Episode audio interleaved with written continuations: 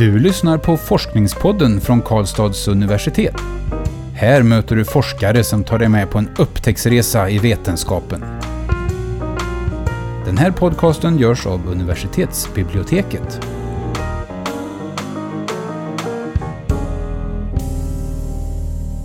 Hej och välkomna till Forskningspodden. Mitt namn är Nadja.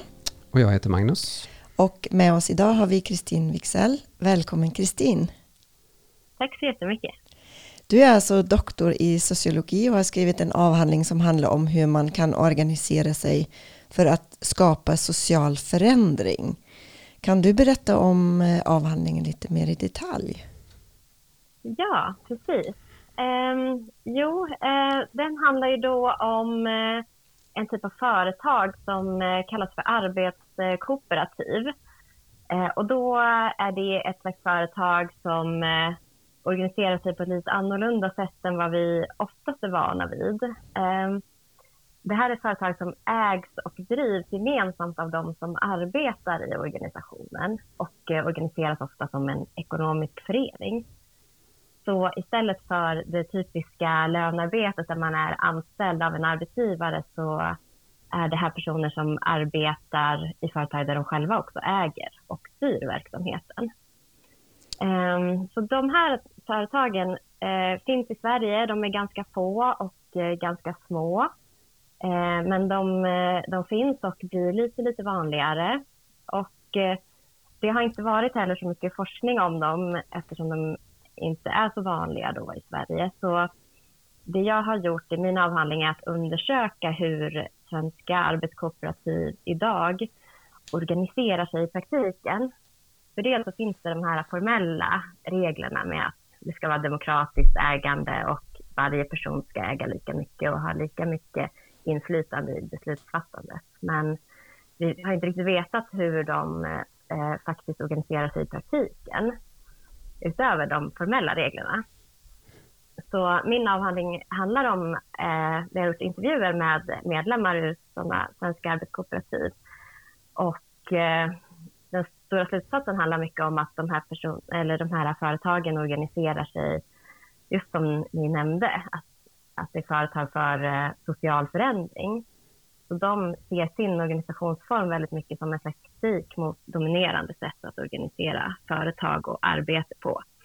Ehm, eh, och hur de organiserar sig då för social förändring avspeglas både i deras organisationsstruktur men också i till exempel hur hur de väljer att arbeta, vilka uppdrag de tar, eh, innehållet så att säga i arbetet eh, och i hur de organiserar sin ekonomi och eh, arbetsrelationer.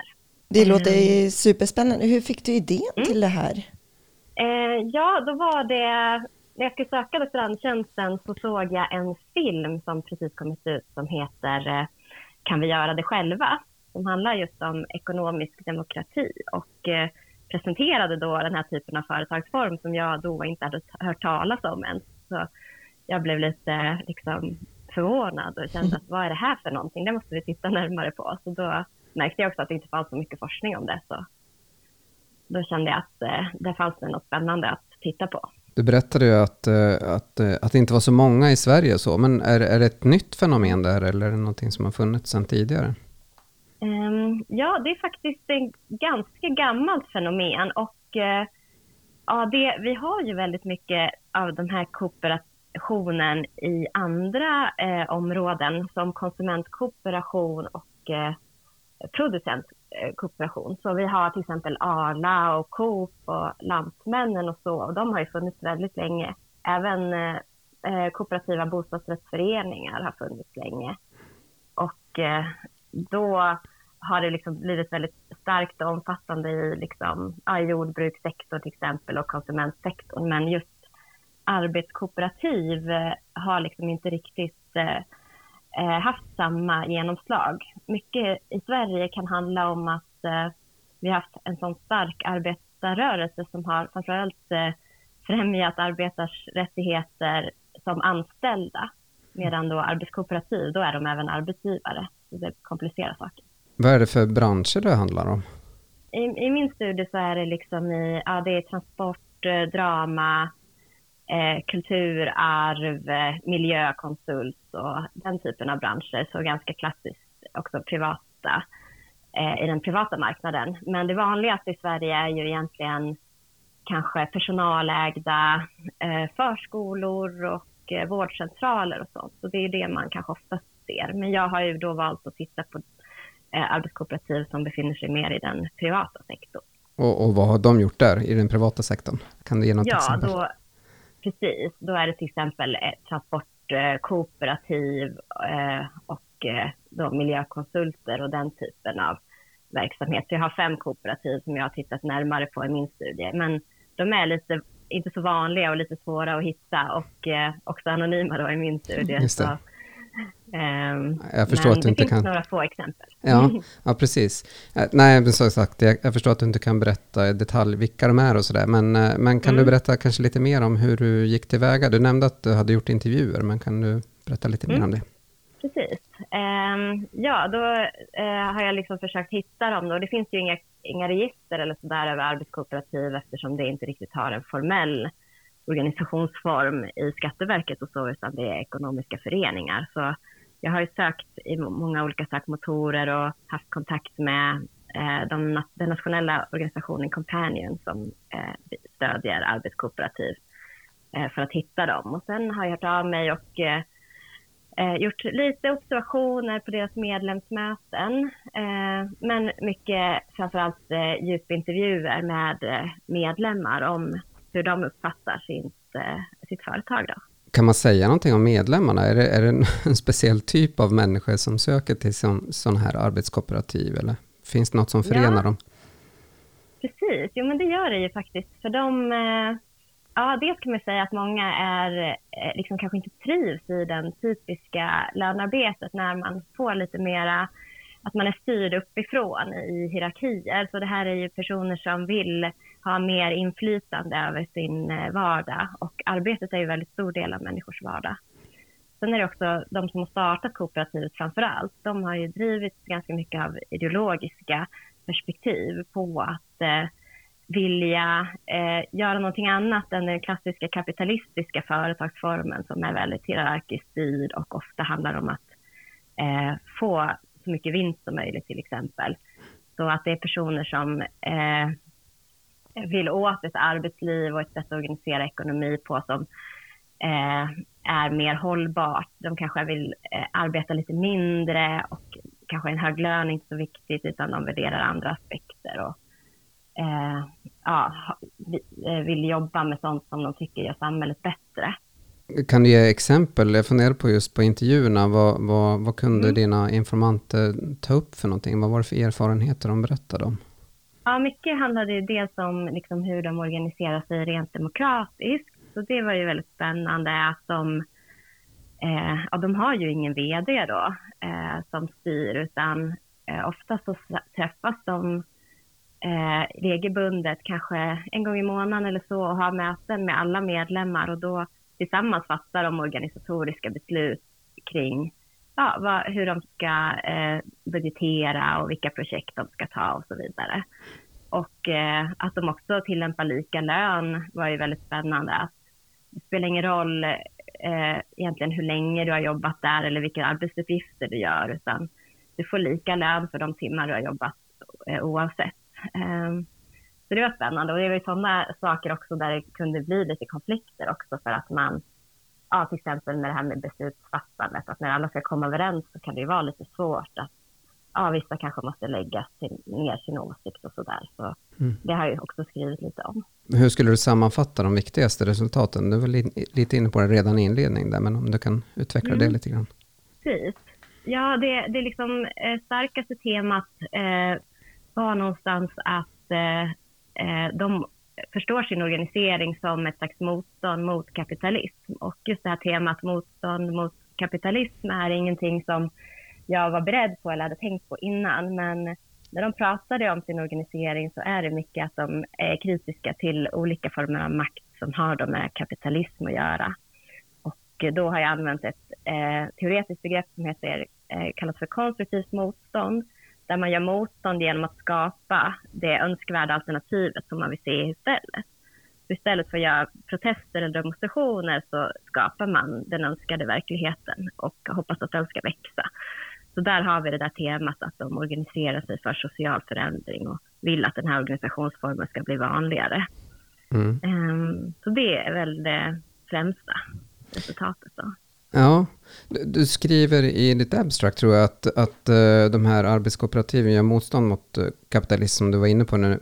Sam men mm. samtidigt som de hela tiden måste förhålla sig till kapitalismen. Det låter som att det finns en, mm. en spänning där lite grann.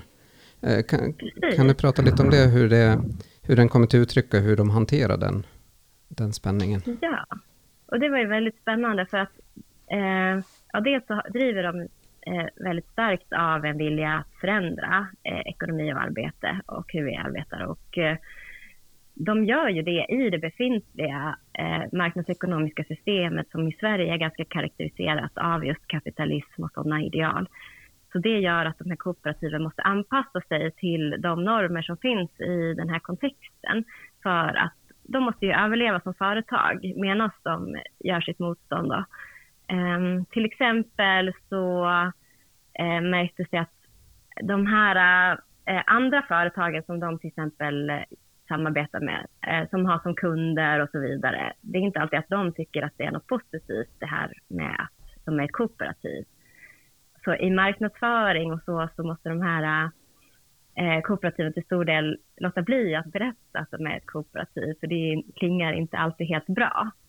Eh, så det var intressant att de måste nästan verka vara mer lika konventionella företag för att kunna få kunder och så där. Så det mm. gör ju att det blir lite svårare för dem att sprida kunskap om sin organisationsform.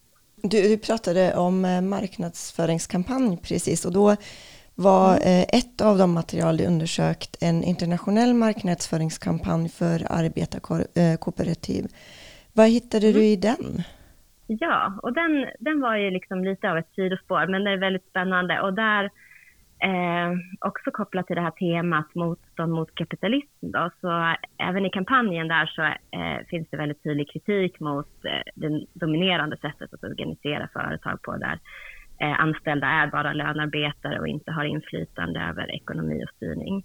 Men eh, den kampanjen bygger samtidigt på liknande ideal som att få så mycket tillväxt som möjligt och eh, att eh, man ska tjäna så mycket pengar som möjligt. Så i den kampanjen så motiveras valet att eh, istället starta ett kooperativ utifrån att då kan varje medlem tjäna mer pengar och ta del av företagets vinst. Ehm, så där finns det ju också en reproduktion av just kapitalistiska ideal, fast i en annan typ av organisationsform. En sak som jag sitter och funderar på är om du har tittat på storleken på de här kooperativen. För eh, när jag tänker på det så kan jag inte riktigt se att de kan bli väldigt stora för att det ska mm. fungera. Kan, har du tittat på det och kan du säga något om det? Precis, ja men det är väldigt intressant. För det finns också i forskningen om kooperativen som tes som kallas för degenerationstesen och det handlar mycket om att när kooperativ blir större så blir de automatiskt mer lika kapitalistiska företag för att det är svårt att driva, ha den här demokratiska styrningen när man är väldigt stora. Så att de kooperativ i min studie, de har medvetet valt att vara små för att kunna ha det här direktinflytandet eh, och medlemsdemokratin där alla kommer överens tillsammans. Så de, eh, de stora svenska kooperativen vi har som Coop och Arla och så, de liknar ju på ett sätt lite mer eh, de traditionella företagen där medlemsinflytandet kanske inte märks så mycket för varje medlem utan man väljer att rösta fram representanter till en styrelse som fattar besluten. Så då blir det lite likt statsdemokratin vi har i Sverige till exempel där man i vardagen kanske inte känner så mycket av den här demokratin. Du Kristin, en, en annan sak som jag funderar på är om det var någonting som överraskade dig i dina resultat? Som du inte alls um, ja. hade räknat med? Precis. Jo, men en sak som överraskade mig var ju också att de här eh, organisationerna, att de, eh, de eh, tänkte så himla lika fast de inte egentligen hade kontakt med varandra. Vissa av dem frågade mig också om jag hade tips på kooperativ som man kunde samarbeta med, för de kände sig ganska isolerade. Och en av de sakerna man kan göra för att öka kooperativa verksamheter är ju att de, man samarbetar med andra kooperativ. Eh, så det var spännande att även om de här eh, organisationerna var så pass eh, isolerade kan man säga från den kooperativa rörelsen i, i stort så tänkte de väldigt mycket liknande och drevs av de här starka idealen att förändra. Eh, så det var lite överraskande att det fanns så mycket gemensamt hos dem. Jag funderar just på den internationella, för det här är väl någonting som är större internationellt eller hur, ser det ut mm. i andra länder? Precis. Eh, det är eh, exakt vanligare i andra länder, till exempel i USA är det väldigt mycket vanligare och då är det för att det finns en särskild lagstiftning där som kallas för ESOP, Employee eh, Ownership Plan ungefär som eh, gör det fördelaktigt för företag att öka ägandet hos de anställda i företaget. Eh, så det är jättevanligt. Och till exempel i Spanien finns det ett kooperativ som heter Mondragon som ja, jag tror att det är nästan 70 000 medlemmar internationellt sett i det kooperativet. Och det har ju blivit ett riktigt stort komplex Eh, en komplex organisation med många delar där. Ehm, så att det finns ju verkligen exempel på eh, i länder där det finns mycket. Och det, för att det ska kunna se ut så i Sverige så tror jag att vi behöver en, en lagstiftning eller liksom en mer, ett mer eh, tydligt stöd för att stärka den här typen av organisationsform. För som det är idag så har de det lite ja, de får jobba lite i motvind kan man säga. Mm. Men det finns ingenting eh, internationellt som håller ihop den här stora internationella rörelsen? Jag tänkte på de här isolerade svenska mm. företagen, om de kan få, få stöd från utomlands ja. ifrån eller så. Precis. Jo, men där är, det som är lite svårt är att det finns så många olika bolagsformer i olika länder som gör att man har lite olika villkor ändå i sin eh, organisering. Eh, det finns en organisation som heter The International Cooperative Alliance och det är ju den kampanjen, en kampanj ur deras, den organisationen då, som jag analyserade i, i en av mina artiklar. Eh, men de har ju också en liten sån där, kanske med ett, ett tillväxtorienterat perspektiv. Så det som mer relaterar till de kooperativ i min studie, det är kanske den anarkosyndikalistiska rörelsen och eh, den finns ju lite representerad i fackförbundet Syndikalisterna. Vem hoppas du kommer läsa din avhandling?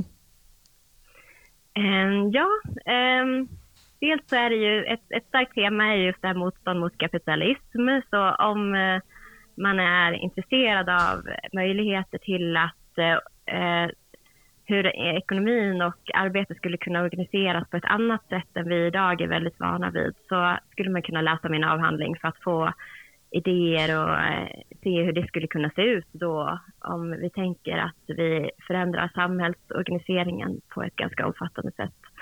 Även kooperativ som är verksamma kan ju läsa min avhandling och få lite mer stöd och pepp och kanske känna att de gör någonting viktigt. Och det märkte också på kooperativen i min egen studie. Vilka, vilka forskningsplaner har du framöver? Hur går du vidare? Ehm, ja, det är en bra fråga. Just nu tänker jag mycket på att eh, skriva mer på svenska om min eh, forskning i avhandlingen. Eftersom den är på engelska och kanske lite krånglig och eh, svår att ta till sig så är mitt mål att skriva mer på svenska så att det kan komma till dels mer för allmänheten i Sverige och bli mer lättläst. Så. Ehm, annars så tycker jag ju det är spännande med, med arbetskooperation och tycker det är intressant att titta vidare på. Men först ska jag vila lite tror jag. ja, det har du gjort det väl förtjänt av. Eh, Kristin, eh, eh, det börjar bli dags för oss att avrunda det här samtalet. Eh, men mm. den fråga som vi brukar avsluta med, du har ju tagit igenom en, en lång, du har haft en lång resa till eh, en doktorstitel som det är för alla doktorander. Mm. Vad är det viktigaste du har lärt dig som du kan tipsa andra doktorander om? Tänk på det här, så här gör du för att lyckas. Mm. Ja, och det eh, jag tänkt, har tänkt på är ju mycket, och som jag ger tips med till de som kommer som nya doktorander i sociologi här, det är att, eh, att ta ledigt och eh, att sjukanmäla sig. Det är nog mitt främsta tips, för eh, det är ju väldigt kämpigt att hålla på med det här i, i väldigt många år och otroligt viktigt att se till att man får den återhämtningen som behövs ja, inte försöka sitta och jobba när man är sjuk, utan eh, sjukan med sig, vara ledig på helgerna. Använda de rättigheter man har, har rätt till. Ja, precis. Ja. Eh, stort tack Kristin eh, för att du har gästat Forskningspodden idag. Det har varit jätteroligt att prata med dig och spännande att höra om ditt arbete. Tack så jättemycket, detsamma. Ja, Och lycka till med, med din fortsatta forskning också såklart och ha en fin sommar. Eh, vi vill mm. också eh, tacka er som har lyssnat idag. Om ni har blivit intresserade av att läsa Kristin Wigzells eh, doktorsavhandling så heter den Organizing for Social Change, Worker Cooperatives as Resistance to Capitalism. Och den finns att ladda ner från vår publikationsdatabas DIVA. Välkommen tillbaka. Du har lyssnat på Forskningspodden från Karlstads universitet. Den här podcasten görs av universitetsbiblioteket. Alla avsnitt hittar du på kau.se forskningspodden.